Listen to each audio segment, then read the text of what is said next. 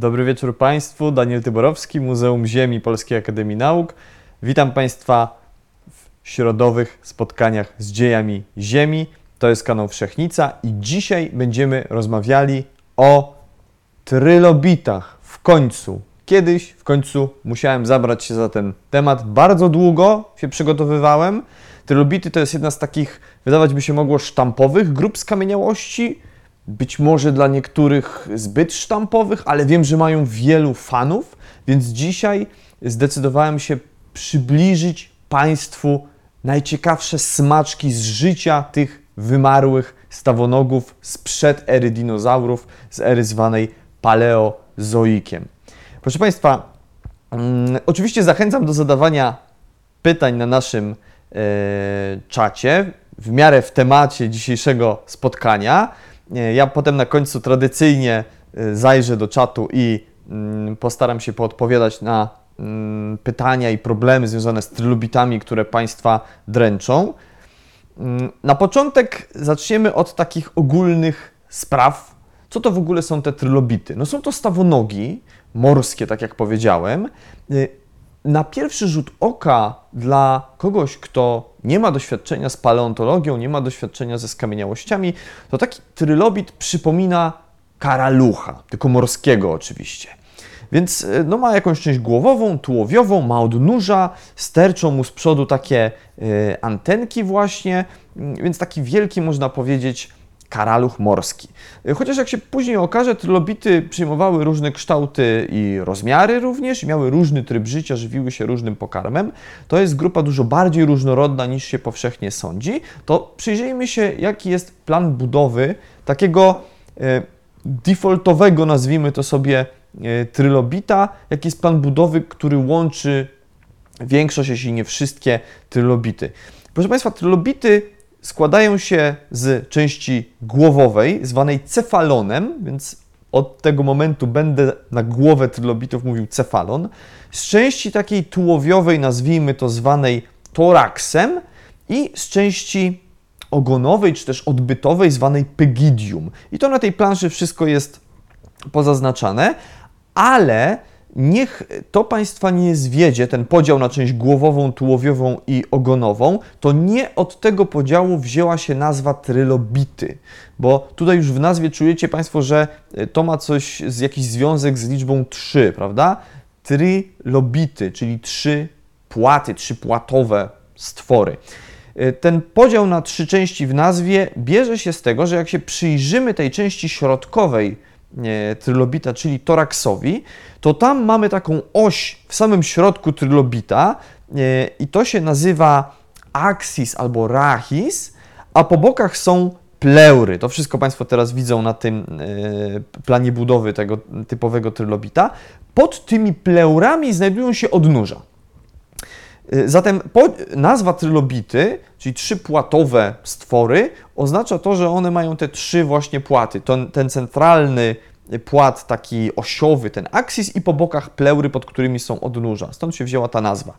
E, I teraz jak się przyjrzymy e, tym właśnie odnóżom, tutaj z boczku Państwo widzą, jakie, jaka jest budowa takiego odnóża trylobita, to odnóża trylobitów mają dwudzielną budowę.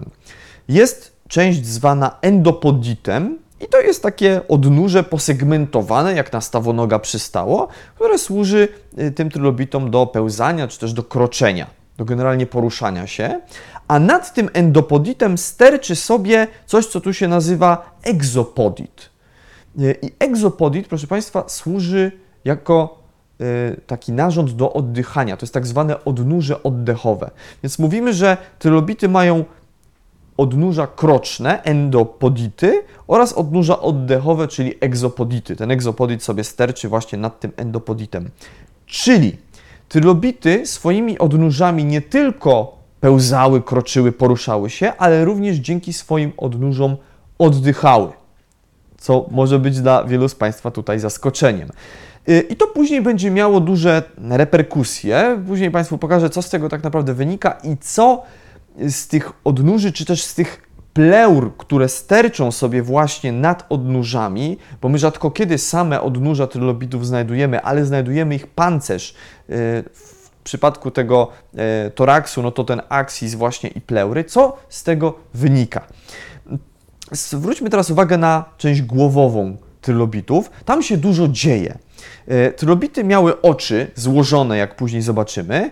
E, na środku cefalonu, tej części głowowej, jest taka e, wypukła, bochenkowata struktura zwana glabellą.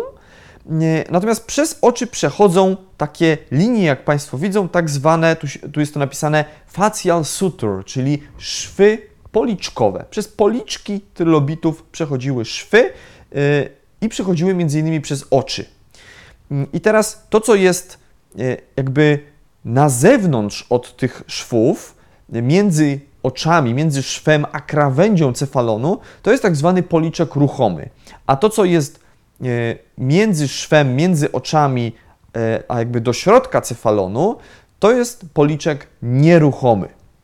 Czyli jest pewna część cefalonu tych, tych trylobitów, pewna część tej części głowowej, którą trylobity prawdopodobnie potrafiły jakoś tam poruszać.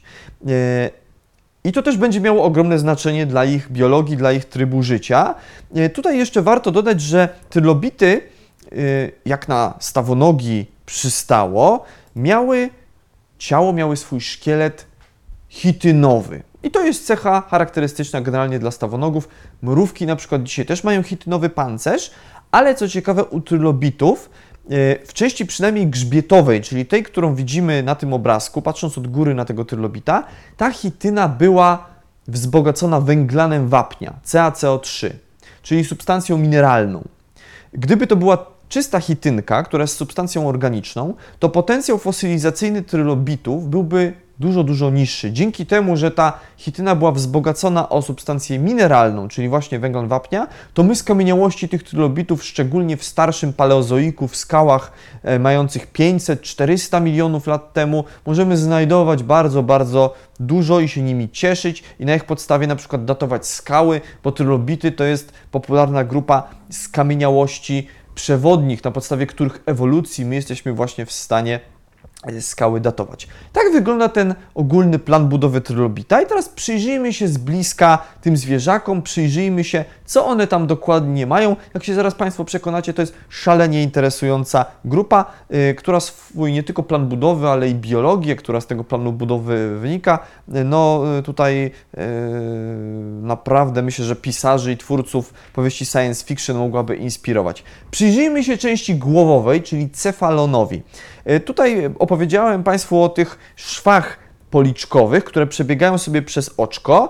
E, tu widzimy z grubsza, jak to wygląda. Mamy trzy główne typy szwów policzkowych u trylobitów. Po lewej stronie mamy szef proparialny, albo mówiąc po polsku szef przodopoliczkowy. E, on polega na tym, że ten szef, kiedy sobie przebiegnie przez oczko, od razu jakby dąży do krawędzi tego cefalonu. Natomiast szef gonioparialny, zwany też szwem kątowym, e, gonios to jest kąt, kiedy przejdzie przez oczko trylobita, biegnie do tych kolców policzkowych, które trylobity mają z tyłu tej tarczy głowowej. Natomiast e, e, mamy jeszcze z prawej strony szef opistoparialny, zwany po polsku szwem tyłopoliczkowym i tutaj widzimy, że ten szef jakby omija kolec policzkowy, kiedy przejdzie przez oko i idzie sobie ku tyłowi tego E, cefalonu. Więc takie są główne trzy typy tych szwów policzkowych. E, tak, takie się wyróżnia. E, I ten szef policzkowy na cefalonie trylobitów ma swoje znaczenie, ma swoją funkcję. Otóż, proszę Państwa, trylobity, tak jak, no, jak to na stawonogi przystało, są zwierzętami liniejącymi. I one co jakiś czas kiedy rosły, kiedy powiększały swoje rozmiary, no musiały zrzucać wylinkę, prawda? Tak jak to robią dzisiaj, e, jak to robią no po prostu stawonogi, prawda? Państwo wiedzą, że pająki zrzucają linkę, w środowisku morskim skorupiaki, na przykład langusty e, zrzucają również e, swój ten stary pancerz. I teraz co ciekawe, tak się sądzi, że Lwia część, znacząca większość trylobitów, których skamieniałości my odnajdujemy, są to właśnie wylinki. Tu może Państwa zaskoczyłem. Większość tego, co my znajdujemy, to nie są prawdziwe zachowane ciała martwych trylobitów, ale to, co te trylobity zrzuciły z siebie, ich wylinki albo jakieś fragmenty tych wylinek. E, I jest taki termin, e, który zwie się pozycją saltera. To jest taka pozycja, w której, którą mm, jakby e, oznacza ten moment, przez, w którym trylobit zrzucił linkę. Kiedy do tego dochodzi, to zawsze jakby linienie trylobita rozpoczyna się od właśnie tych szwów policzkowych, o których sobie przed chwilą powiedzieliśmy. To zawsze jakby szwy policzkowe były tymi liniami, wzdłuż których ten stary pancerz pękał i trylobit sobie wychodził. Państwo tutaj widzą to dokładnie, jak to wygląda na tych poglądowych obrazkach. Najpierw zawsze pękały te szwy policzkowe, a potem dopiero reszta pancerza i ten trylobit, jak widzimy po lewej stronie, sobie tutaj mógł wypełznąć właśnie e, już taki powiększony z tym nowym, świeżym pancerzem. Więc przeważnie jak my znajdujemy te trylobity, to znajdujemy nie ich trupy zachowane w stanie kopalnym, ale ich już zrzucone wcześniej pancerze, no i to takie, to, to mie miejsce, jakby ten stan, kiedy one zrzucały ten pancerz, yy, kiedy mamy jakby pęknięte te, te, te, te szwy policzkowe, to się nazywa pozycją saltera, taka ciekawostka. Tutaj jeszcze Państwo widzą na tej planszy, między innymi na, w tej środkowej części widzimy też tą pozycję saltera, jak sobie ten trylobit tam ucieka ze swojego poprzedniego pancerza, jak go zrzuca.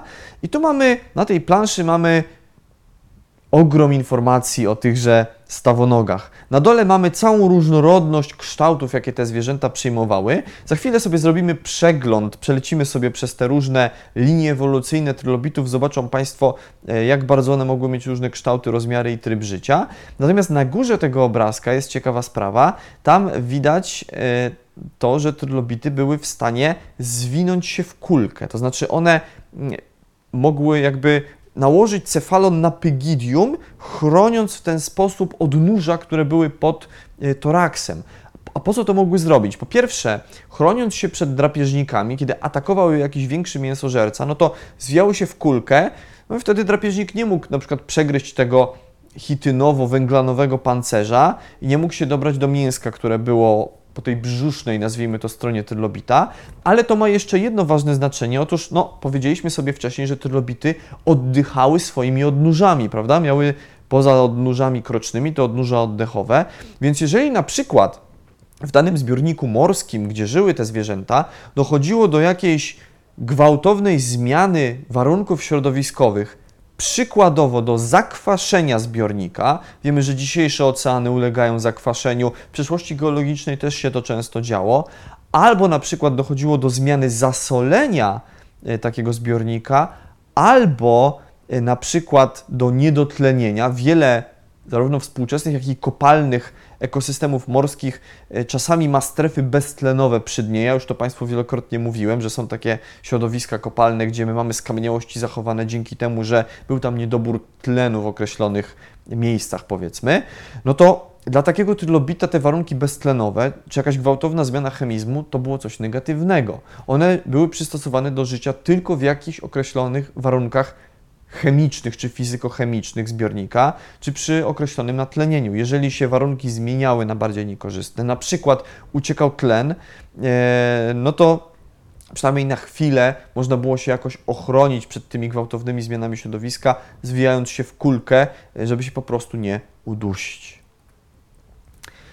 Trylobity, tak jak powiedziałem, to była grupa niezwykle zróżnicowana. One pojawiły się w Kambrze, czyli na początku ery paleozoicznej. E, mniej więcej te 530 powiedzmy milionów lat temu, może 530 kilka. E, I na początku Kambru były niezwykle zróżnicowane. Tutaj Państwo widzą drzewo rodowe trylobitów. Czas biegnie na tej planszy w górę, to znaczy na dole mamy Kambr, potem Ordowik, Sylur, Devon, Karbon i Perm, czyli całą erę paleozoiczną widzimy, mniej więcej 250 milionów lat. E, I widzimy, że w Kambrze na dole z tej grupy Redlichida rozwijają się inne linie ewolucyjne trylobitów. E, one, jak zaraz zobaczymy, mogły być bardzo, bardzo e, różnić się mogły od siebie i mm, żyć w różnym środowisku, mieć różny tryb życia.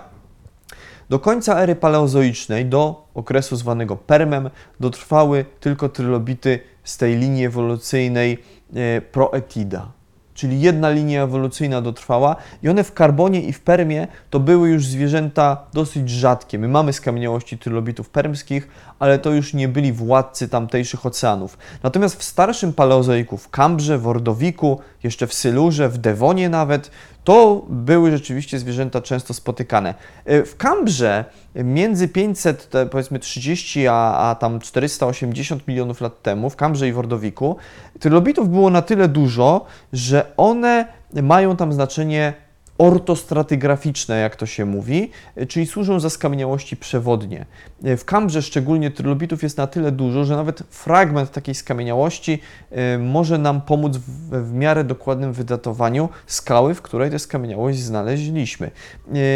I teraz sobie przejrzymy różne ciekawe aspekty tych różnych grup trylobitów, zobaczymy, czym one się od siebie różniły, jakie miały ciekawe adaptacje do środowiska życia.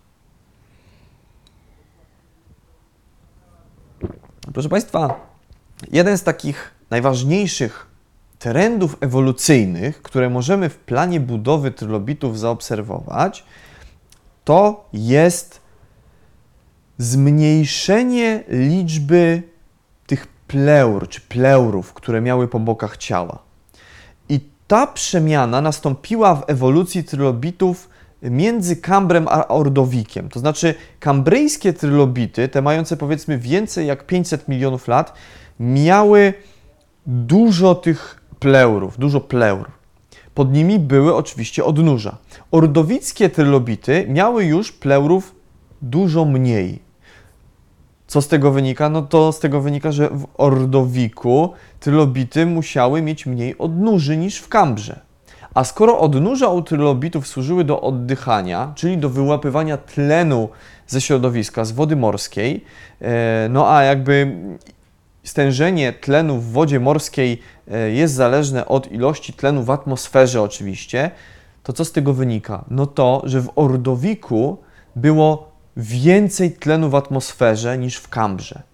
Więc również więcej tlenu e, było w Oceanie Ordowickim niż w Oceanie Kambryjskim. Więc znajdując te trylobity, badając te zwierzęta, my jesteśmy w stanie też dużo powiedzieć o środowisku ich życia, o tym jak się zmieniło, zmieniły no takie warunki chemiczne właśnie w oceanie i w atmosferze między tymi 500 kilkudziesięcioma milionami lat, a powiedzmy między tam e, dokładnie, dajmy na to 500 milionów lat temu, a 450 milionów lat temu, w ciągu kilkudziesięciu milionów lat, wiemy, że nagle w atmosferze tlenu zrobiło się więcej. Dzięki temu trylobity mogły mieć mniej tych odnóży, krocznych, ale i oddechowych, no bo już nie musiały się tak bardzo starać, żeby ten tlen z atmosfery a dokładnie to z tlen rozpuszczony w wodzie oczywiście morskiej, wyłapywać. Od taka e, ciekawa historia. Natomiast drugi taki ciekawy trend ewolucyjny, który między Kambrem a Ordowikiem wśród trylobitów mm, e, nastąpił, to jest zwiększenie ich pygidiów, czyli tych, e, tej części e, odbytowej czy ogonowej. Jak Państwo widzą, po e, lewej stronie mamy trylobity kambryjskie, to one mają małe te pygidia, nieduże, natomiast u ordowickich e, nagle pojawiają się trylobity z takimi dużymi, e, dużymi tarczami odbytowymi, z tymi wielkimi pygidiami. Tutaj kilka na tej planszy z prawej strony Państwo widzą, że więc między Kambrem a Ordowikiem nastąpiło po pierwsze zmniejszenie liczby tych pleur, czyli odnóży, co za tym idzie, oraz powiększenie się tych tarcz odbytowych, tych właśnie pygidiów. Różnorodność morfologiczna trylobitów była ogromna. To naprawdę e, no, dzisiejsze, wiele dzisiejszych stawonogów nie może być tak zróżnicowanych jak właśnie te e, paleozoiczne stawonogi, jakimi trylobity były. Na tej planszy widzą Państwo taki zaledwie no, ułamek tej różnorodności, e, więc były tutaj trylobity kolcate. Jednym z takich kolcatych trylobitów ja Państwa zwabiłem na ten wykład. E, które miały no i z tej tarczy głowowej z cefalonu wystające te kolce policzkowe, ale poza tym jakieś rogi. Miały również na tej tarczy odbytowej, na pygidium, takie pozakrzywiane, powykręcane kolce. Jedne były proste, inne bardziej wygięte. Jeszcze inne trylobity miały mm, tak, te kolce policzkowe takie mocno wyciągnięte ku tyłowi, że sięgały aż za całe ciało, za pygidium. Jeszcze inne miały na pygidium taki długi kolec przypominający trochę Telson e, skrzypłoczy, prawda, o których kiedyś Państwu opowiadałem. Więc tutaj no, kształty tych zwierząt mogły być bardzo, bardzo różne e, prawdopodobnie zależało to oczywiście od trybu i środowiska życia tych zwierząt. U niektórych to widać na, tutaj na, e, z, po lewej, najbardziej lewy górny trylobit, no to widzimy, że u niektórych te pygidia były już takie mocno, mocno rozrośnięte, że stanowiły wręcz większość ich ciała, powierzchni ich ciała. Więc zwierzęta niesłychanie, niesłychanie zróżnicowane. Bardzo ciekawie wyglądał rozród trylobitów i ich powiedzmy dojrzewanie. Otóż okazuje się, my to wiemy na podstawie doskonale zachowanych skamieniałości, że trylobity składały jaja w takich komorach lęgowych, które nosiły na, na, na jakby brzeżnej części cefalonu, dokładnie przed glabellą. To widzą Państwo na tym obrazku po lewej stronie. Mamy znowu e, cefalon takiego trylobita i mamy tą bochenkowatą glabellę na środku i przed nią znajduje się, na takim wypłaszczeniu znajduje się z samego przodu tego trylobita znajduje się komora lęgowa z jajami tychże stawonogów. E, no i mamy również skamieniałości, które to oczywiście na podstawie ich wzięła się ta rekonstrukcja. Najbardziej po prawej Państwo widzą takiego trylobita z tą dużą komorą lęgową z przodu, a na środkowej planszy jest perfekcyjnie zachowany, taki spirytyzowany kambryjski e, trylobit z stanu Nowy Jork, e, z zachowanymi tymi jajami tutaj w obrębie cefalonu. Więc tam dzięki wyjątkowo dobrym warunkom środowiskowym zachowały się również i tak delikatne rzeczy jak jaja tych zwierząt. Nie tylko cała ta komora lęgowa, ale również pojedyncze jajeczka. Teraz, co się działo z takim trylobitem, kiedy on się wylęgł już? Tu mamy taki cykl życiowy przykładowego e, trylobita z rodzaju Izotelus. E, no, kiedy się rodził, to e, jakby wchodził w taki pierwszy cykl rozwojowy. U mm, trylobitów występowały trzy cykle rozwojowe. Był cykl y, protaspis, potem meraspis i na końcu holaspis. Protaspis to był taki jeszcze stadium takiej planktonowej larwy, czyli po wykluciu się z jaja. Trylobit nie przypominał tego, co Państwo kojarzycie ze skamieniałości, tylko no, taką planktonową małą larwę, która się unosiła w toni wodnej. Później ulegał metamorfozie i tworzył się, tworzyło się z niego stadium meraspis, czyli taki malutki trylobicik. I teraz w obrębie e, tego stadium meraspis, które już było zwierzęciem, jak to się mówi, bentosowym, czyli już nie żyło w toni wodnej, tylko chodziło sobie po dnie morza, to, to ten trylobit po prostu rósł. Głównie to dochodziły mu te elementy e, z toraksu, czyli nowe pleury, pojawiało się oczywiście pygidium i to ten zwierzaczek sobie rósł do takiego dorosłego stadium, które się nazywa e, holaspis i to już był taki e, no, prawilny, duży, dorosły trylobit. Tutaj Państwo widzą dokładnie, jak ten rozwój wyglądał. Mamy po prawej stronie to, to larwalne stadium i potem mamy to stadium już e, meraspis i holaspis. Widzimy, jak w tym drugim stadium meraspis ono się jeszcze dzieli na ileś tam tych takich podstadiów rozwojowych. Pojawiają się te e, kolejne segmenty tego toraksu, aż dochodzimy do stadium holaspis, gdzie mamy tego dorosłego e, trylobita. Jedną z najciekawszych części ciała trylobitów są ich oczy. I znowu, jak na porządnego stawonoga przystało, trylobity generalnie miały oczy złożone. Mówię generalnie, bo y, później się okaże, że to nie zawsze musi być reguła, ale tak większość trylobitów miała oczy złożone.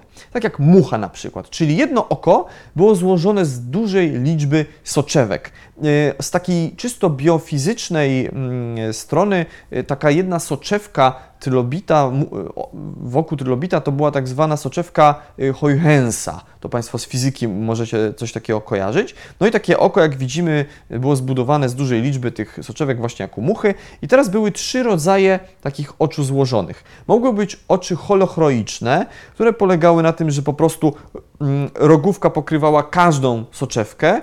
Mogły być oczy schizochroiczne, czyli między soczewkami były jeszcze jakieś zwapnienia, takie skleryty. No i oczy abatochroiczne, czyli e, kiedy e, owszem, mamy te skleryty, te zwapnienia między soczewkami, ale to wszystko razem jest rogówką pokryte, czyli mamy takie od takich pojedynczych soczewek przez takie stadium, gdzie mamy między coś tam między soczewkami i na końcu mamy wszystko pokryte, całe takie oko pokryte rogówką, a nie każda soczewka po kolei. Ale na tym się nie kończy zabawa z oczami trylobitów, bo one w zależności od środowiska życia wykształcały różne adaptacje, jeśli idzie o te swoje oczy. I teraz sobie przelecimy przez te różne adaptacje oczne trylobitów. Yy, moje ulubione oczy trylobitów to są takie oczy z daszkiem, yy, czyli mamy oko niemal pionowe, yy, wystające nad ciało, nad głowę, nad ten cefalon trylobita. Widzimy wiele tych soczewek, więc jest to jak najbardziej oko złożone.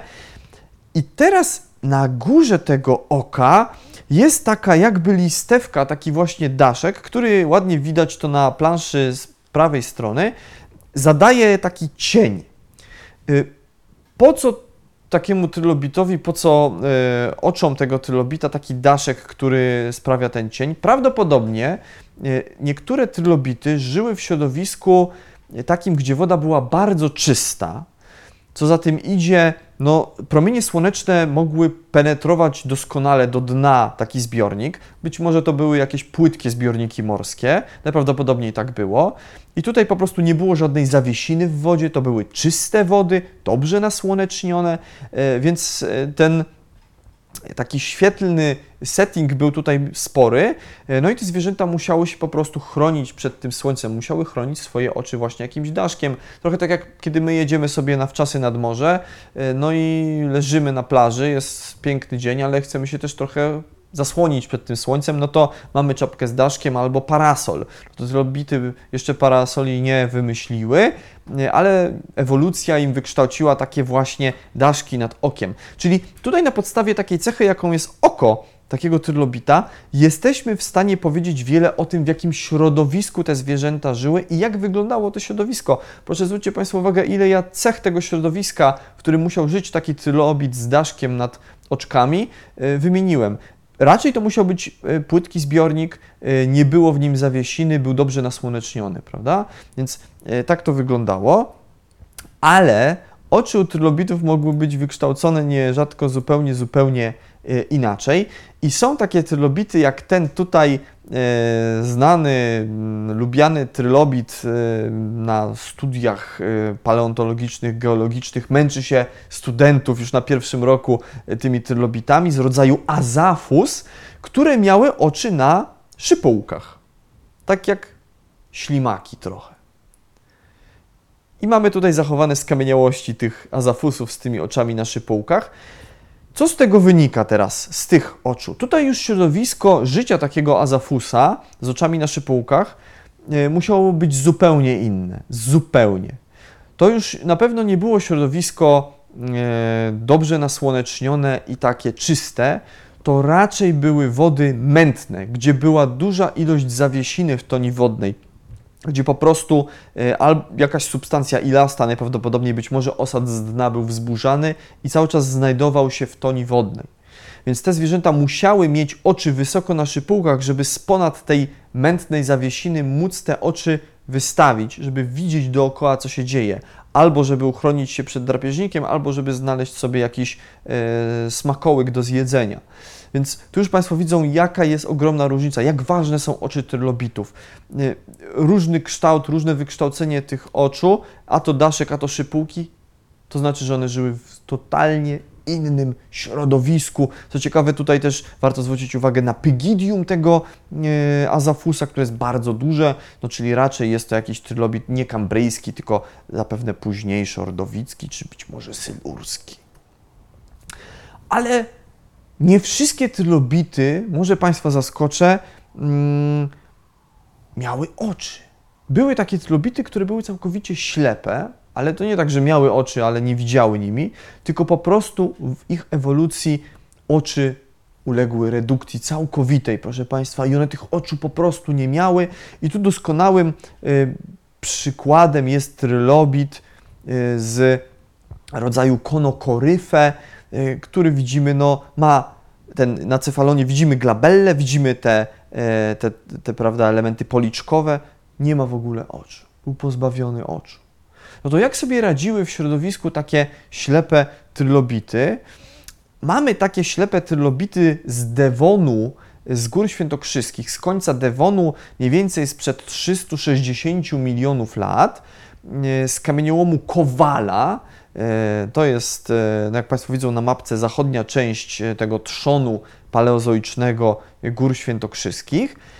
I tam znajduje się perfekcyjnie zachowane takie ścieżki trylobitowe, jak widzimy, czyli trylobity jeden za drugim, jeden za drugim sobie szły. Co ciekawe, te trylobity, one należą do takiego gatunku, który został nazwany Trimerocephalus hopini, na cześć e, Chopina. One zdaje się, że zostały opisane w, po raz pierwszy w roku, ten gatunek został opisany w roku chopinowskim, stąd ta nazwa.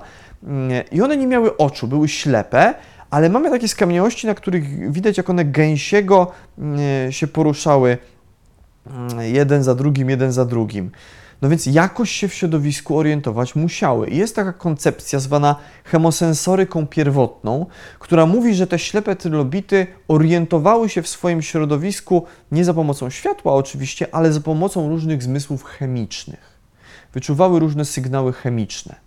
E, tak jak to robią niektóre dzisiejsze stawonogi morskie. I tu Państwo na środkowej planszy widzą porównanie takiej ścieżki trylobitowej z dzisiejszymi migrującymi langustami. Langusty to są takie e, skorupiaki morskie mm, e, i one również chodzą sobie takie przyklejone, jeden, jedna langusta za drugą i orientują się w środowisku za pomocą różnych sygnałów chemicznych. Rozpoznają siebie nawzajem też za pomocą właśnie takiej hemosensoryki. Już taka pierwotna hemosensoryka u tych y, przynajmniej dewońskich trylobitów występowała i one mogły chodzić sobie jeden za drugim, ale takie ścieżki trylobitowe najstarsze znane są aż z Ordowiku, czyli sprzed ponad 400 milionów lat. Więc prawdopodobnie ślepe trylobity tego typu adaptacje do życia, do orientowania się w przestrzeni, w swoim środowisku, wykształciły już na dosyć wczesnym etapie swojej ewolucji. Na tych dewońskich trylobitach z Kowali widać jeszcze kilka ciekawych rzeczy. E, mianowicie niektóre z tych trylobitów, które sobie migrowały jeden za drugim, jeden za drugim, są w stadium takim jakby był, one wyglądają tak jakby jeden trylobit siedział na drugim, to Państwo na tym górnym obrazku widzą. Jeden podpisanym literką A, jeden trylobit jest na drugim. Jak zbadano te, te okazy migrujących trylobitów z zastosowaniem e, tomografu komputerowego, czyli tak jak się bada e, no, dzisiejszego pacjenta po prostu w szpitalu, e, to się, co się okazało? Okazało się, że to były trylobity w trakcie linienia. Jeden zrzucał linkę. Po prostu to jest jeden trylobit, tylko one w trakcie tej migracji zrzucały po prostu ten swój stary pancerz, czyli były po prostu w trakcie, powiedzmy to, wzrostu. Y, moja ulubiona rzecz odnośnie trylobitów to jest ich układ trawienny.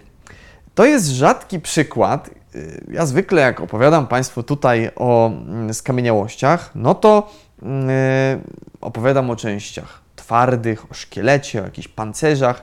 Jeżeli już o tkankach miękkich, to o jakichś takich bardziej zewnętrznych, typu o skórze albo pokryciu ciała. Kiedyś Państwu o e, piórach praptaków opowiadałem. No ale rzadko się zdarza, żebyśmy mogli mieć w skamieniałościach naprawdę narządy wewnętrzne zachowane i to tak bardzo, bardzo doskonale.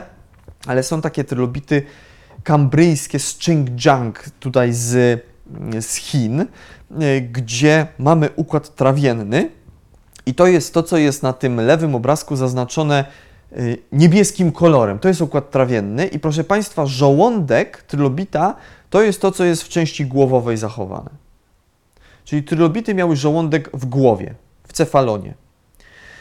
Y, mało tego, żołądek znajdował się nad mózgiem. Mózg trylobitów był niewielki. Żołądek był duży, jak widzimy, zajmował niemal całą objętość tego cefalonu, czyli y, no, mniej więcej tak jaki był rozmiar głowy trylobita, to taki był rozmiar jego żołądka, e, no a pod tym żołądkiem był niewielki mózg. To jest, myślę, niesamowita sprawa. To się dzięki perfekcyjnie tak zachowanym skamieniałościom udało określić. Teraz zróbmy sobie taki przegląd e, różnych e, trybów życia, różnych grup tych trylobitów. Były takie trylobity, które były drapieżnikami. Największe trylobity mogły osiągać spore rozmiary. I no, tutaj taki przykładowy rodzaj e, Olenoides e, to były trylobity, które były e, albo trupojadami, czyli chodząc sobie po dnie morza zjadały ścierwo, zjadały szczątki martwych zwierząt, które znalazły, albo po prostu były aktywnie polującymi drapieżnikami. No to były jak na czasy starszego paleozoiku zwierzęta dość duże. I one chodząc po dnie morza mogły polować na wszystko, co tam znalazły. Na jakieś mniejsze stawonogi, na wieloszczety, na jakieś inne robaki, e, na być może jakieś małe szkarłupnie. Na wszystko to mogły sobie zapolować. Więc były drapieżniki, były, byli padlinożercy, trupojady. E, Kiedyś Państwu opowiadałem o największym trylobicie z gatunku Isotelus rex. To był ordowicki trylobit z takim, jak widzimy, dużym pygidium. No i to było zwierzę, które no, e, mogło osiągać rozmiary parasola, więc olbrzymi, olbrzymi trylobit i to był zdecydowanie e, drapieżnik. Na pewno duży, duży zwierz, który sobie polował na jakieś mniejsze żyjątka żyjące na dnie morza. Ale nie wszystkie trylobity to były zwierzęta mięsożerne, czy takie, no powiedzmy, drapieżne, czy padlinożerne. E, Były w tej grupie filtratory i to jest też jeden z ciekawszych e, trylobitów. Harpes, e, trylobit, który z kolei e, pygidium nie miał jakiegoś dużego, ale miał tą tarczę głowową, tutaj cefalon powiększony. Te kolce policzkowe sięgały daleko, daleko ku tyłowi i, i na tych kolcach ta, ta tarcza była tak rozpięta, że to w zasadzie no nie takie, e, nie takie kolce były policzkowe, tylko takie takie jakby żagle rozwinięte ku tyłowi. Harpes to był taki e, paleozoiczny odkurzacz. To było zwierzę, które oczywiście jak na trylobita żyło na dnie i sobie chodziło po dnie morza i tym e, powiększoną tarczą głowową, tym, tym cefalonem sobie e, odcydzało pokarm z dna. Filtrowało po prostu pokarm przez ten swój cefalon, więc żywiło się jakimś drobnym pokarmem. No, wśród trylobitów były również formy takie detrytusożerne, czy, czy po prostu żywiące się glonami również, które były roślinożerne, więc tu jak Państwo widzą, jeśli idzie o spektrum e, no, rodzajów pożywienia, jakie te zwierzęta mogły jeść, to to jest bardzo, bardzo e, duże spektrum. E, Ciekawa jest taka grupa trylobitów zwana agnostidami, bo to były zwierzęta kompletnie nieprzypominające takiego przeciętnego trylobita. One wyglądały tak, jak tu Państwo widzą po prawej stronie. Jest ta tarcza głowowa dość spora, jest tarcza odbytowa dość duża. One do siebie, cefalon i pygidium, są w miarę podobne, prawda? Zwróćcie Państwo uwagę, one siebie tak w miarę imitują. Nierzadko ciężko jest stwierdzić, które to jest cefalon, które to jest pygidium, a toraks jest bardzo zredukowany. Tutaj widzimy tylko no, dwa segmenty w tym toraksie, E, a po prawej stronie Państwo mają fragment takiej skały, która jest niemal w całości przez te agnostidy zbudowana, czyli cała skała z takich trylobicików. To były małe zwierzątka, maleńkie, takie mające po kilka milimetrów, drobne zwierzęta i to były trylobity pelagiczne. Czyli to jest taka grupa, która nie żyła na dnie morza, ale one pływały w toni wodnej. Były takim planktonem i tam sobie prawdopodobnie no, też zdobywały jakieś substancje odżywcze, więc to jest taka grupa trylobitów, która tutaj odbiegła kształtem chyba najbardziej od reszty e, przedstawicieli tej grupy. Tak jak widzieliście Państwo wcześniej, one mogły mieć różne kształty, różne rozmiary, różne jakieś dziwne e, wyrostki, cechy, różne kształty oczu, ale generalnie gdzieś tam można było w tym odnaleźć plan budowy taki wspólny e, dla trylobitów. Tutaj te agnostidy chyba najbardziej rzeczywiście od tego odbiegają. Kiedyś Państwu opowiadałem e, przy mm, mapach paleogeograficznych, cały taki wykład był o tym, opowiadałem o tym, że trylobity e, w starszym paleozoiku, właśnie w Kambrze, w Ordowiku, miały nie tylko znaczenie, jeśli idzie o datowanie skał, czyli znaczenie takie biostratygraficzne, ale również znaczenie paleogeograficzne, ponieważ one e, żyły na szelfach, na morzach olewa, oblewających różne kontynenty. Tutaj Państwo widzą te, te takie strefy brzegowe tych różnych paleokontynentów. Mamy Gondwanę, mamy Baltikę, Syberię, Laurencję. E, No i na brzegach tych kontynentów żyły różne linie ewolucyjne trylobitów. Więc my dzisiaj badając trylobity, nie tylko na ich podstawie jesteśmy w stanie wydatować dokładnie skały, ale jesteśmy w stanie powiedzieć z grubsza, jaki był układ lądów w przeszłości geologicznej. I takie badania się robi. E, Dzięki temu między innymi wiemy, że różne części e, tutaj na przykład Europy, naszego kontynentu, w erze paleozoicznej należały do różnych lądów, właśnie te powiedzmy 500 czy 400 milionów lat temu, więc to są bardzo przydatne skamieniałości, jak Państwo widzą, i nadają się do datowań. I jak powiedziałem też wcześniej, do takich rekonstrukcji środowiskowych, czyli mówią nam o tym środowisku życia, i do takich rekonstrukcji paleogeograficznych, czyli no tutaj w paleobiologii, w paleoekologii, ogólnie w naukach o Ziemi bardzo, bardzo przydatne zwierzaki.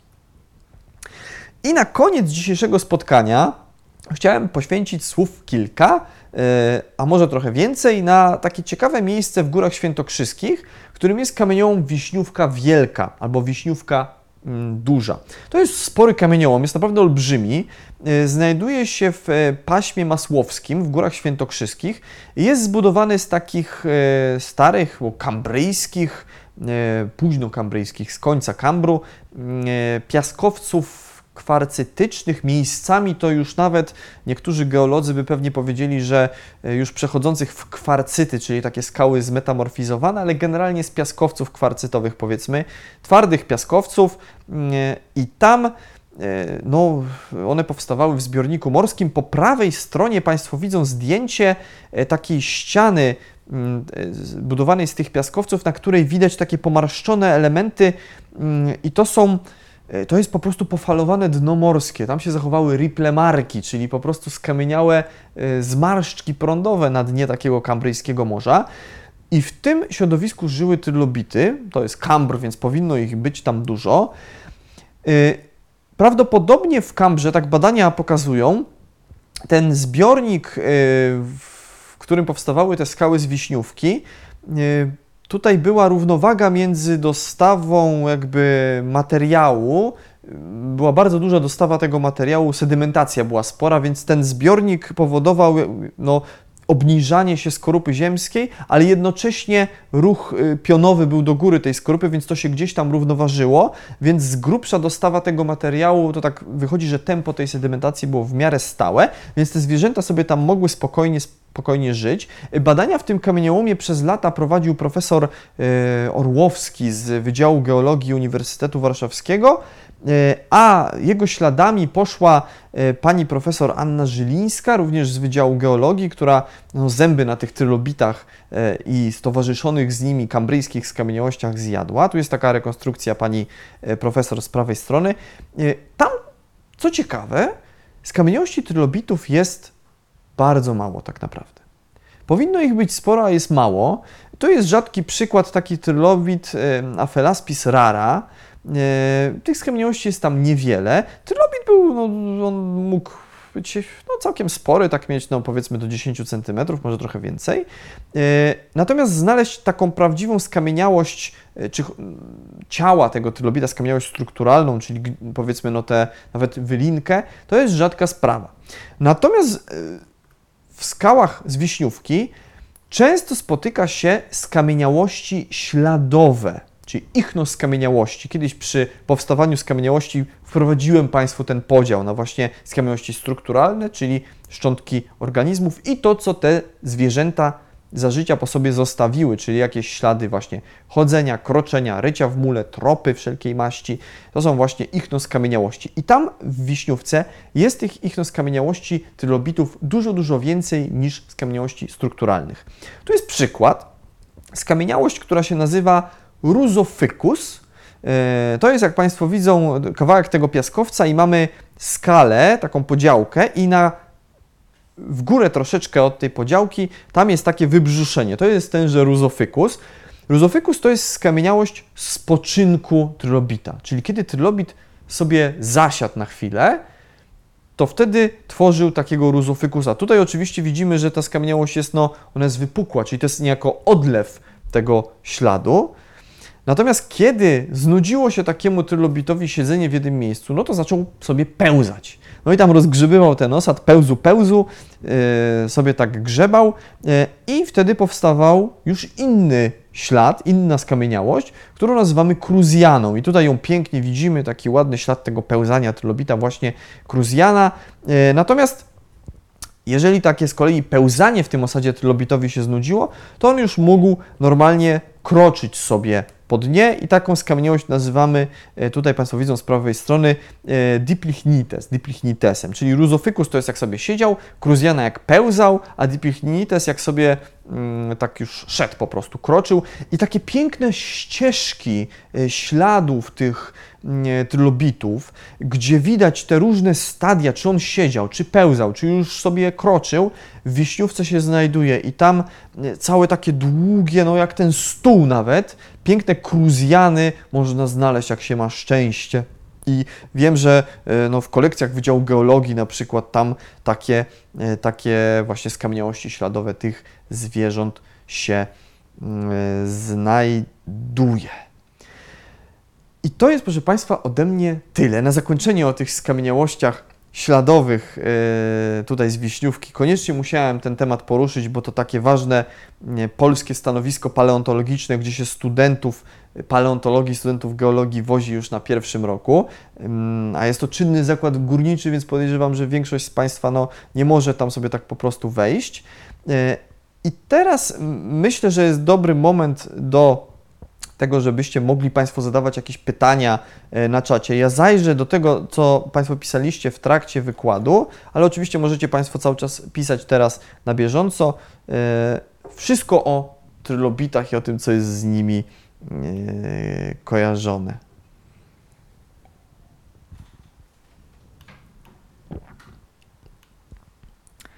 Pan Piłka Nożna pisze, proponuje wykład o amonitach. No oczywiście, Oczywiście, Pani piłka nożna, oczywiście wykład o amonitach y, na pewno kiedyś zrobimy, bo to są również fascynujące organizmy. Jedna z moich ulubionych grup skamieniałości, bardzo ważne mm, organizmy mezozoiczne z kolei, e, które również podobnie jak trylobity mogły mieć wbrew tak powszechnej opinii, mam wrażenie, różne kształty i rozmiary. E, niektóre mogły być olbrzymie, to myślę tutaj o olbrzymich amonitach wypadałoby powiedzieć, więc na pewno sobie kiedyś o nich porozmawiamy. Paweł Trzciński y, pisze, dzień dobry, co to za gatunek trylobita ma Pan dzisiaj na koszulce?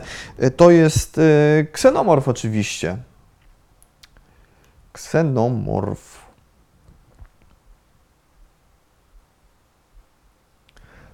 Lone Wolf pyta pytanie. Na ostatnim wykładzie Przedstawiony był rekin ze szczotką i zębopodobnymi wyrostkami na głowie, które mogły pełnić funkcję odstraszającą inne ryby. Jak je wykształcił, co o tym decyduje? Tak, to był rekin z tym Spine Brush Complex, czyli Stetacanthus. No, o tym prawdopodobnie decydował y, dobór płciowy. Tu y, skamieniałości pokazują, że raczej samce miały tę strukturę, samice nie miały, więc to trochę działało na zasadzie takiej jak y, poroże u jelenia dzisiejszego, prawda? Albo pióra u samca pawia. No, to jest element doboru takiego mm, tutaj no, tego płciowego. E, po prostu samice preferowały takie formy, które miały coraz większe, bardziej wydatne te, mm, te, te, te, te wyrostki, bo one po prostu zapewniały lepsze przeżycie. Jak miały te wyrostki, no to mogły lepiej odstraszać jakichś większych drapieżców mm, i e, w ten sposób mogły przedłużać swoją linię genealogiczną, tak sobie powiedzmy. Widziałem, że Państwo pisaliście pod poprzednim wykładem, że być może to był rodzaj takiej przystawki, jak mają niektóre dzisiejsze ryby, które się przyczepiają, e, ale raczej badacze wykluczają te koncepcje. Ta, ten wyrostek u tego rekina był takimi ząbkami pokryty, więc raczej to nie miało takiej funkcji przysysającej się, to raczej nie wchodzi w grę niestety. Tymon Kamiński pyta, czy były jakieś lądowe trylobity. Nic mi na ten temat nie wiadomo i wiele wskazuje na to, że to jednak była grupa całkowicie morskich e, stawonogów, w przeciwieństwie do wielu takich no, morskich, ale potrafiących wychodzić na ląd e, stawonogów, jakie mamy dzisiaj, jak na przykład skrzypłocze, które skądinąd są dużo bliżej spokrewnione, jak już Państwu kiedyś mówiłem, ze skorpionami czy pająkami niż z trylobitami czy skorupiakami. No i właśnie skorupiaki, prawda? E, raki to są zwierzęta wodne, ale generalnie potrafią też sobie chodzić po lądzie i oddychać powietrzem atmosferycznym, ale nic nie wskazuje na to, żeby trylobity posiadły kiedykolwiek taką zdolność, a przynajmniej mi nic na ten temat nie wiadomo. Marek Wilczak pisze, na ostatnim wykładzie zabrakło mi przykładu chimery. Y, no, chimery to są ciekawe zwierzęta, rzeczywiście. Ja raczej postawiłem y, na poprzednim wykładzie na takie bardziej formy kopalne, a tam już w obrębie samych tych rekinów była masa tych różnych, zróżnicowanych form, y, więc sobie te chimery odpuściłem, ale tak, no to są fascynujące zwierzęta, oczywiście. Tu widzę komentarz 18500. Mam nadzieję, że dobrze Y, czytam y, nick, na pewno zakopywały się w mule, to domyślam się, że chodzi o te trylobity Azafus, które miały oczy na szypułkach. Być może, tak, wiele na to wskazuje. Jak powiedziałem, one żyły w takim środowisku zamulonym, mętnym, niewykluczone, że były w stanie zakopać się w osadzie i tylko sobie wystawić te oczy na szypułkach i tak sobie rozglądać się z boku na bok. To jest całkiem, całkiem prawdopodobne.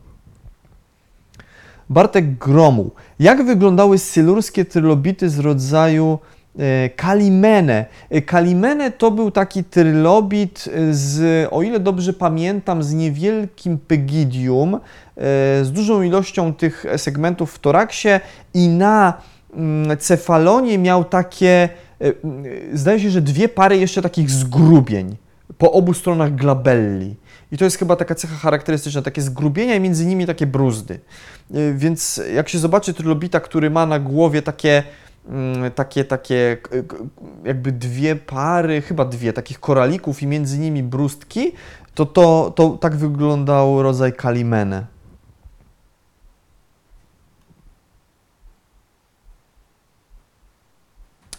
Cox 321 Cox. Pytanie trochę poza tematem wykładu, ale ciekawi mnie, czy znamy przyczyny słynnych wielkich zlodowaceń. Pozdrawiam, ja również gorąco pozdrawiam e, pana Cox 321 Cox.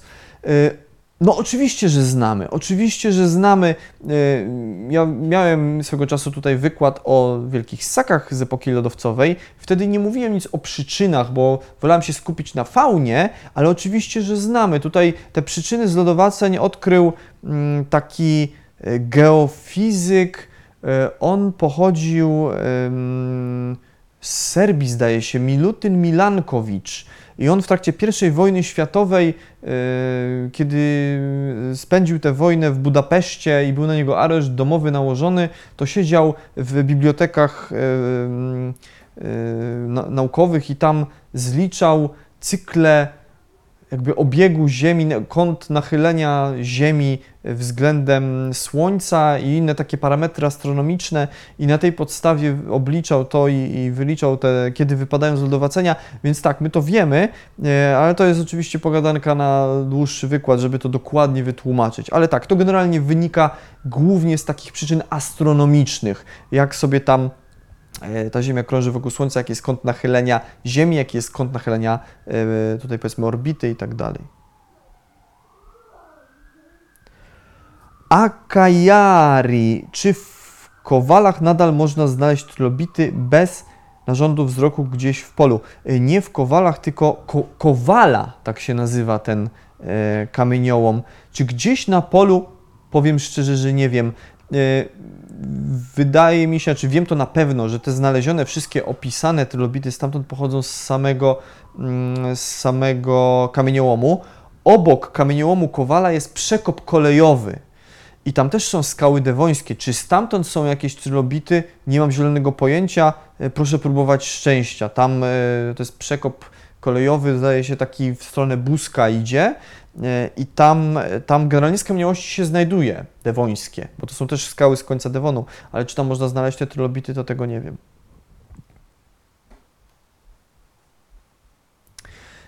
I znowu Akajari i pytanie kolejne na temat gór świętokrzyskich. Czy istnieją jeszcze miejsca, gdzie bez problemu można znaleźć trylobity bądź inne skamieniałości przewodnie z tamtego okresu? Oczywiście, że można. Poza takimi czynnymi zakładami górniczymi jak Kowala czy ta Wiśniówka, yy, są takie piaskowce kambryjskie z, z ociesek, ociesenki to się nazywa, E, I to są takie małe stanowiska gdzieś tam przy drodze, czy właśnie na polu.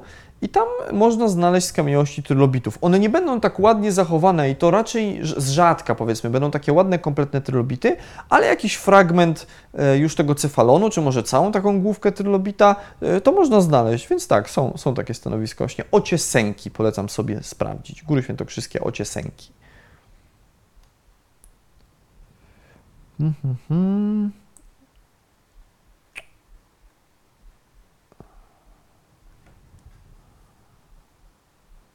Bartek Gromuł. Dwa pytania. Gdzie można znaleźć skamieniałości karbońskich i permskich trylobitów? I dlaczego te zwierzęta w dwóch ostatnich okresach ery paleozoicznej były rzadkie? Zacznę od końca. No były rzadkie, bo już w czasie ery paleozoicznej yy, po pierwsze przeżyły dwa wielkie wymierania wcześniejsze, wymieranie ordowickie, które je mocno przetrzebiło i potem wymieranie dewońskie, które je przetrzebiło, więc one po prostu dostały w kość, tak powiedzmy wprost. One stały się mniej liczne, wymarła ich spora część. Te, jak pokazywałem Państwu to drzewo rodowe, no to tam większość jakby no całkowicie została wycięta właśnie na skutek wielkich wymierań. Więc one już po Dewonie, w Karbonie i w Permie mamy tą jedną linię, ostatnią, która przeżyła i to jest ta główna przyczyna, dlaczego jest ich tak mało. W międzyczasie inne organizmy zdążyły pozajmować te nisze ekologiczne po tych wymarłych liniach ewolucyjnych trylobitów, no i już trylobity nie mogły tego dawnego mm, zróżnicowania odtworzyć. I tyle. Tak to się dzieje w dziejach Ziemi. A gdzie można znaleźć skamieniości karbońskich i peremskich trylobitów? Zastanawiam się, czy w Polsce można znaleźć i powiem szczerze, że nie wiem. Peremskich chyba nie. Karbońskich wiem, że w Górach Świętokrzyskich jest kamieniołom yy, niedaleko tam yy, okolice Miedzianki, kamieniołom Ostrówka i tam są karbońskie osady. Czy tam trylobity były znalezione, to powiem szczerze, że nie mam pojęcia. Raczej tutaj bym stawiał jednak na, w Górach Świętokrzyskich przynajmniej, na Cambror, mm, Dowik, Sylur i Devon. Wojtek Zawada, bardzo ciekawy wykład, dziękuję. To ja dziękuję panie e, Wojtku za uwagę. Jedno pytanie, dlaczego trylobity wymarły? No, kontynuacja poprzedniego e, pytania. No, do końca Permu dotrwała ta jedna linia ewolucyjna, mało zróżnicowana i to były już zwierzęta rzadkie. Kiedy przyszło wymieranie permskie, pod koniec Permu, pod koniec ery paleozoicznej mamy to największe wymieranie w dziejach, Mother of all extinctions, tak się mówi, matka wszystkich wymierań, no to już te rzadkie, mało zróżnicowane zwierzęta, którymi były trylobity, nie miały szans, po prostu wymarły jako ofiary tego największego wymierania w dziejach. Gdyby nie wymieranie permskie, to kto wie, może by przetrwały do dzisiaj.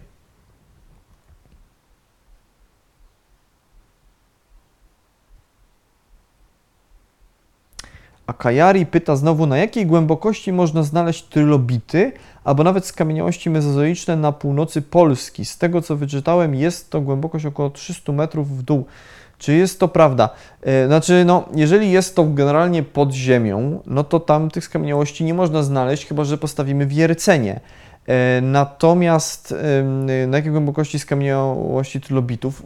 W górach świętokrzyskich no to występują na powierzchni. Na Pomorzu to nie mam pojęcia. Tam pewnie e, gdzieś na Pomorzu były wiercenia robione, z których były trylobity. Jaka to jest głębokość, to powiem szczerze, że nie wiem tego.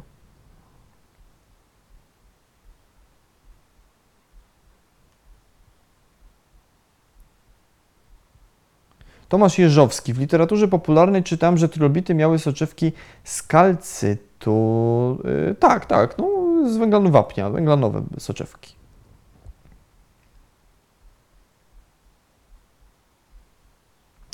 Grek Kintym. Jak długo żyły i czy obecnie są ich potomkowie? Czy y, całkiem ta linia zwierząt wymarła? Całkiem wymarła niestety, tak jak mówię. W Permie wymarły, nie dały żadnych ewolucyjnych tutaj następców. Żadne dzisiaj stawonogi nie są potomkami trylobitów, choć nie wiem, skrzypłocze, czy być może niektóre skorupiaki mogą je przypominać.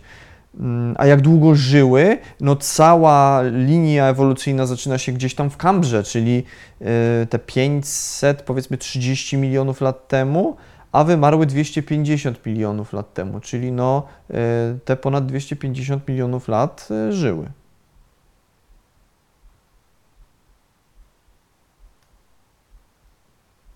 Widzę, że zadajecie dzisiaj dużo pytań, takich też bardzo ogólnych.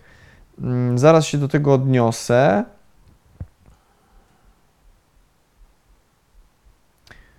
Mirella von Chrupek, bardzo ciekawy wykład i przegląd trylobitów. Dziękuję. No i fajna koszulka. To ja bardzo dziękuję. Dziękuję e, za komplement. Jest to jedna z moich ulubionych e, filmowych koszulek.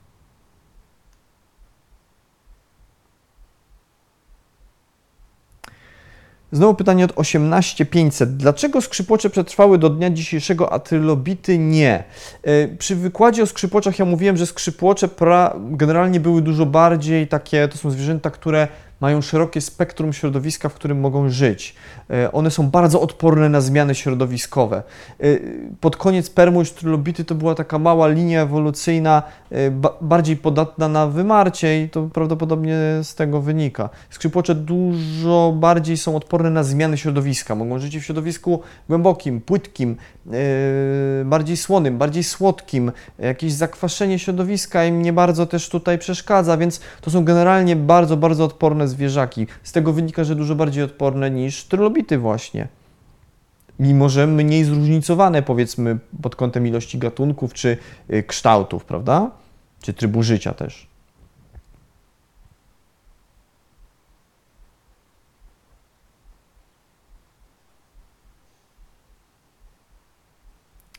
Tu widzę, pojawiło się pytanie Piotrek P. E, o trylobity pyta z Maroka czy Czech, że często są do kupienia ich skamieniałości. Ja powiem tak, e, ja nie jestem oczywiście ekspertem od trylobitów i nie znam tu wszystkich rodzajów, ale a propos tutaj kupowania ich skamieniałości, skamieniałości z Maroka, proszę Państwa, Marokańczycy wyspecjalizowali się w podrabianiu skamieniałości właśnie swoich marokańskich. I lwia część tego, co Państwo w internecie możecie kupić, e, co figuruje tam jako trylobity marokańskie, to są fejki. To jest po prostu zmielona masa, która kształtem imituje trylobita i wierzcie mi Państwo, Marokańczycy tę metodę oszukiwania turystów czy, czy oszukiwania w internecie też e, no, doprowadzili do perfekcji. Tam naprawdę e, nierzadko są spore problemy nawet dla paleontologa z rozróżnieniem, chyba że konkretnie siedzi w trylobitach, z rozróżnieniem, czy to jest prawdziwy trylobit, czy to jest e, oszukany okaz.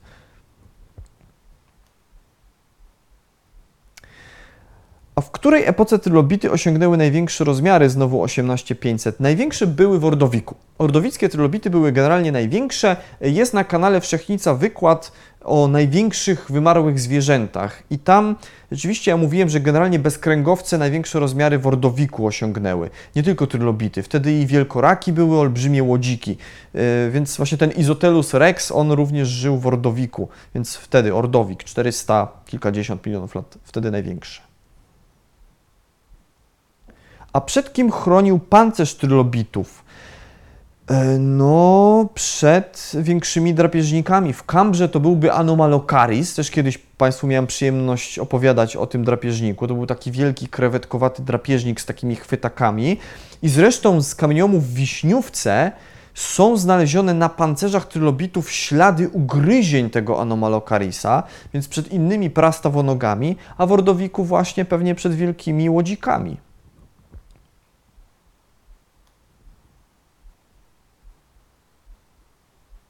Tutaj pytanie, czym żywiły się trylobity? No mówiłem w trakcie wykładu, że niektóre były drapieżne, inne padlinożerne, inne się roślinami żywiły, inne planktonem. Całe spektrum tutaj y, pokarmu i jakby sposobu zdobywania tego pożywienia, jaki można sobie w środowisku morskim wyobrazić, to trylobity miały. I wielkie drapieżniki, i trupojady, i filtratory, i roślinożercy, niektóre glony zgryzały.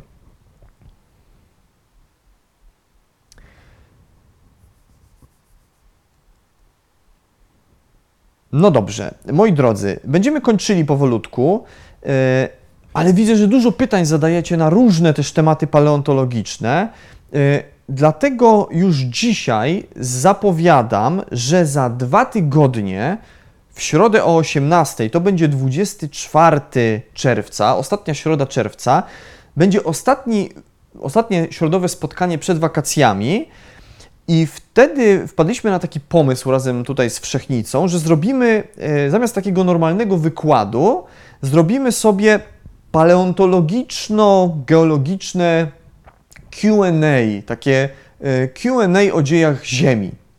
E, I będziecie mogli wtedy zadawać mi pytania, o co tylko chcecie z paleontologii, z geologii. Ja się postaram, oczywiście, o ile mi wiedza pozwoli, odpowiedzieć na te pytania e, i tu z Wami podyskutować. Więc za dwa tygodnie, zamiast takiego normalnego wykładu, zrobimy sobie taką luźniejszą formę przed samymi wakacjami i po prostu Wy będziecie mi zadawać pytania, i pogadamy sobie na różne tematy dotyczące się paleontologii, dotyczące się geologii. Po długim weekendzie na kanale Wszechnica już pojawi się wydarzenie odnośnie tego e, spotkania QA 24 e, czerwca i już od momentu, kiedy to wydarzenie się pojawi, możecie tam pisać pytania, zadawać te pytania. Będziecie je mogli oczywiście zadawać na bieżąco 24, ale mm, możecie zadawać je też wcześniej. Ja się postaram, zobaczymy ile tych pytań będzie, ale się postaram przygotować do tych, które się e, pojawią. No, e, tutaj już widzę, że będzie grad pytań, proszę się przygotować i uzbroić.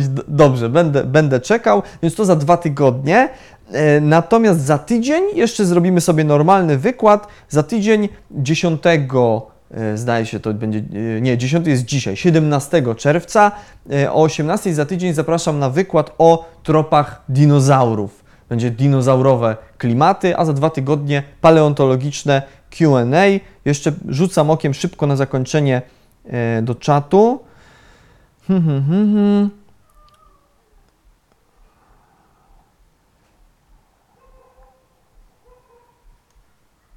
Okej, okay, okej, okay, dobra. Widzę, że tutaj też e, dyskutujecie, odpowiadacie sobie na pytania, bardzo fajnie. Mm, e, dobrze, to czekam na grad pytań za dwa tygodnie. Za tydzień zapraszam na tropy dinozaurów i dzisiaj się żegnamy. To wszystko na dzisiaj. Piękne dzięki. Miłego, długiego weekendu Wam życzę. E, to dzisiaj wszystko z paleontologicznym pozdrowieniem. Do zobaczenia. Cześć.